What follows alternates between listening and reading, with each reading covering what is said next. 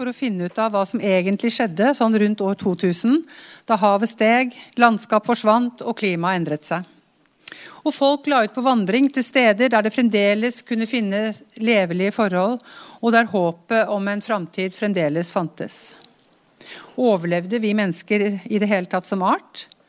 Kanskje ikke det finnes geologer som kan forske på vår tid om noen millioner år? Og hva slags liv er det da som rusler rundt på jorda? Dette er dystre tanker, og det er tema som forfatter Henrik Svendsen ikke tar opp i sin bok. Men det er tanker som jeg får når jeg leser denne boka. Dinosaurene trodde også de hadde god tid, sto det på en, eh, var teksten på en av demonstrasjonsplakatene under skolestreikene i Belgia.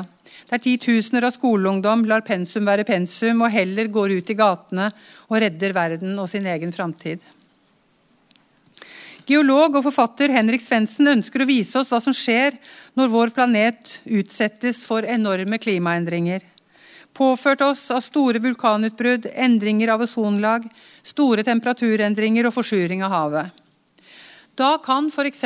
store dyregrupper som dinosaurene dø ut og gi plass for nye dyrearter, oss pattedyrene. Det står skrevet i stein, sier man, og denne boka den viser med all tydelighet hvor sant dette munnhellet er. For Forfatteren han tar oss med på en reise med stein i sentrum. Til Sibir, til Mali, til Grønland og til Fredrikstad. Og noen steder til. Og Noen av de reisene de går ned i dypet av jorda. I form av lange, sylindriske steinprøver. Boret opp av jorda i lange staver. Og det er her det står skrevet for de som kan lese sånn tekst. Og det kan geologer. For ved å analysere steinstrukturen i lagene på disse steinprøvene, så kan man forstå mye av hva som skjedde på jorda i de ulike tidsfasene. Først og fremst er dette en bok der forfatteren viser at geologisk forskning kan dokumentere de store klimaendringene gjennom tiden. Og, og sånn sett så knytter boka seg opp mot et dagsaktuelt tema og får meg til å tenke videre på vår egen selvpåførte klimakrise. Hva vil kunne leses i stein om vår tidsepoke når framtidas geologer skal finne ut av hva som forårsaket våre klimatiske endringer?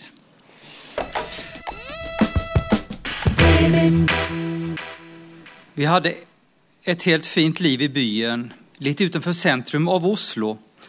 Jeg skrev artikler for avismagasiner, og som frilanser fikk jeg så mange oppdrag jeg ønsket og tjente bra med penger. Åse jobbet i et departement. Vi bodde i en fin tvåmansbolig og nå hadde vi två barn. Vi var vel fornøyd. Likväl hadde det en stund vært noe som føltes litt feil. Det var noe midlertidig over tilværelsen. Det manglet et holdepunkt eller en retning. Jeg kjente ingen tilknytning til stedet vi bodde. Det var et nokså tilfeldig valg. En grei bydel på østkanten, kort vei til T-banen og til skogen, ikke så langt til sentrum. Hvis jeg fortsatte å få gode oppdrag og tjene bra med penger, kunne vi kanskje om noen år flytte til en gate litt høyere opp, få både kveldssol og utsikt over byen. Ja, kanskje en gløtt av fjorden også. Jeg hadde sett noen fine hus der oppe. Men egentlig var det bare mer av det samme. Det var å flytte 300 meter til et litt bedre hus med en litt større hage. Den søte drømmen om det gode liv, eller om man så vil småbruksdrømmen og alternative verdier. Kanskje noe vi alle lekt litt med tanken på. Eller en drøm vi ikke av forskjellige grunner lykkes med å realisere. Det er en befriende, lekefull og nøktern bok om det å ikke bare ønske seg noe annet, men å tørre å ta steget ut. Til det gode liv på landet, til et liv i mer harmoni med oss selv men er det et godt liv, stiller seg forfatteren. Skribenten og forfatteren Simen Tveitereid sin bok 'Et fritt liv' med den litt pirrende og tankevekkende undertittelen om å ønske seg noe annet i verdens rikeste land. Nå tror kanskje mange blant publikum at forfatteren kommer med moralske pekepinner, hvordan man egentlig må leve sitt liv med tanke på miljø og klima, i økologisk balanse med naturen, eller med parollen og slagordet 'tilbake til naturen'. Men boken er en herlig samling med upretensiøse tekster, totalt blottet for moralisme. Boken gjennomsyres av leseverdige betraktninger om dagliglivet på gården, restaurering av gamle byggnader, arbeid i skogen, slakt av dyr, eller sauejakt på sykkel til allmenn latter. Ja, livet er sannelig ikke lett på en gård, når den søte drømmen lever videre, men de praktiske ferdighetene er desto mindre. Forfatteren skriver fint og med stor varme om ikke bare hverdagslivets små og store trivialiteter, om arbeidslivet på en gård eller to generasjoner tilbake i tid, om besteforeldrene sine, men også refleksjoner om alt fra økologisk landbruk, borgerlønn og forbrukersamfunnets langsiktige konsekvenser. Men forfatteren går lenger enn så, fordyper diskusjonen, forsøker bredde forståelsen, der navet for alt kretser kring er synet på arbeid, dess rolle, mening og innhold dette gjør han med så kloke, velreflekterte og minneverdige ord. Samfunnskritiske bøker gjør det ofte lett for seg med en kritisk og moraliserende undertone i tekstene, med et verdimessig budskap om hva som er godt eller vondt, rett eller feil, men lykkeligvis havner ikke et feitereid i den fellen.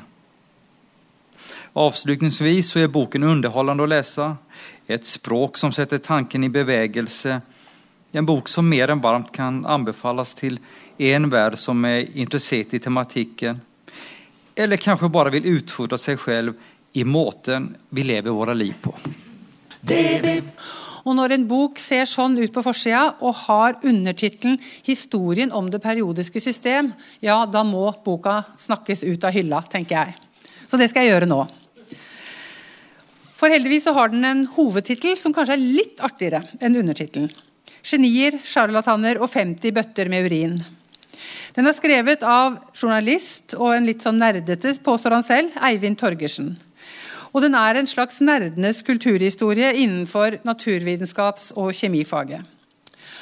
Og I denne boka får vi presentert utrolige og morsomme fortellinger om det koblet av nerder som måtte til for at alle de 118 grunnstoffene som per i dag utgjør vårt periodiske system, skulle bli oppdaget og utforsket. Og alle de helt utrolige, morsomme, komiske, snodige metodene som ble tatt i bruk.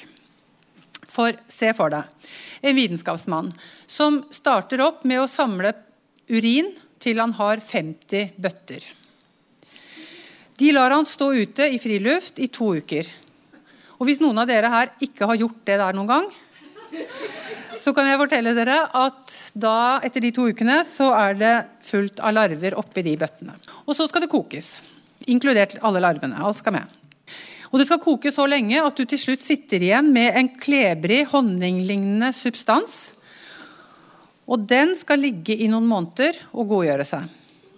Og etter å ha gjennomført dette tålmodighetskrevende og kanskje ikke så veldig delikate eksperimentet, så må vi vel kunne si at vi unner vitenskapsmannen den triumfen det var at når han bare pustet på dette stoffet han satt igjen med, så flammet det opp. Det er stilig.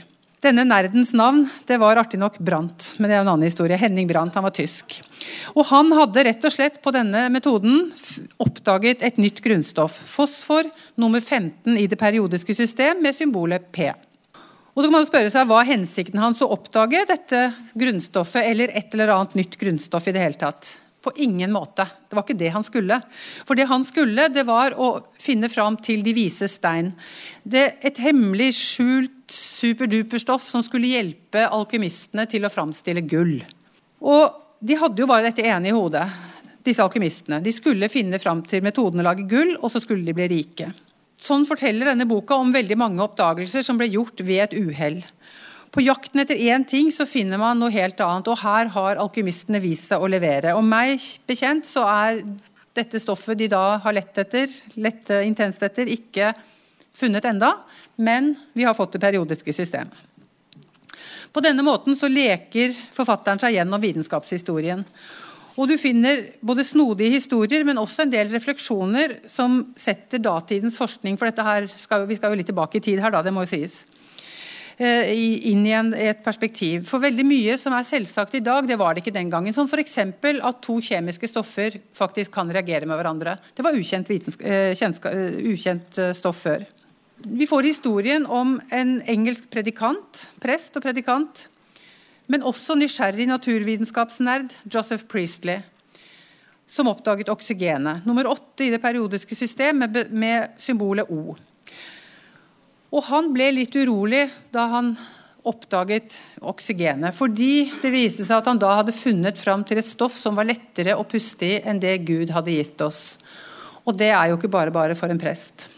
Dmitrij Mendelejev heter mannen som er blitt stående som det periodiske systems far. Og På slutten av 1800-tallet så foretok han et konebytte. Og så la det seg slik til rette at det ble en måneds overlapp mellom de to ekteskapene. Han var altså en bigamist, og det kunne kostet ham karrieren. Men da grep den russiske tsar Aleksander 3. inn og hevdet Mendelejev har to koner, men jeg har bare én Mendelejev. Og dermed var karrieren hans reddet. Og du trenger ikke å være kjemiker for å ha glede av denne boka her. Forfatteren er ikke kjemiker, jeg er ikke kjemiker. Men er du det, så tipper jeg at det vil gi boka en ekstra dimensjon. Denne boka er artig og interessant.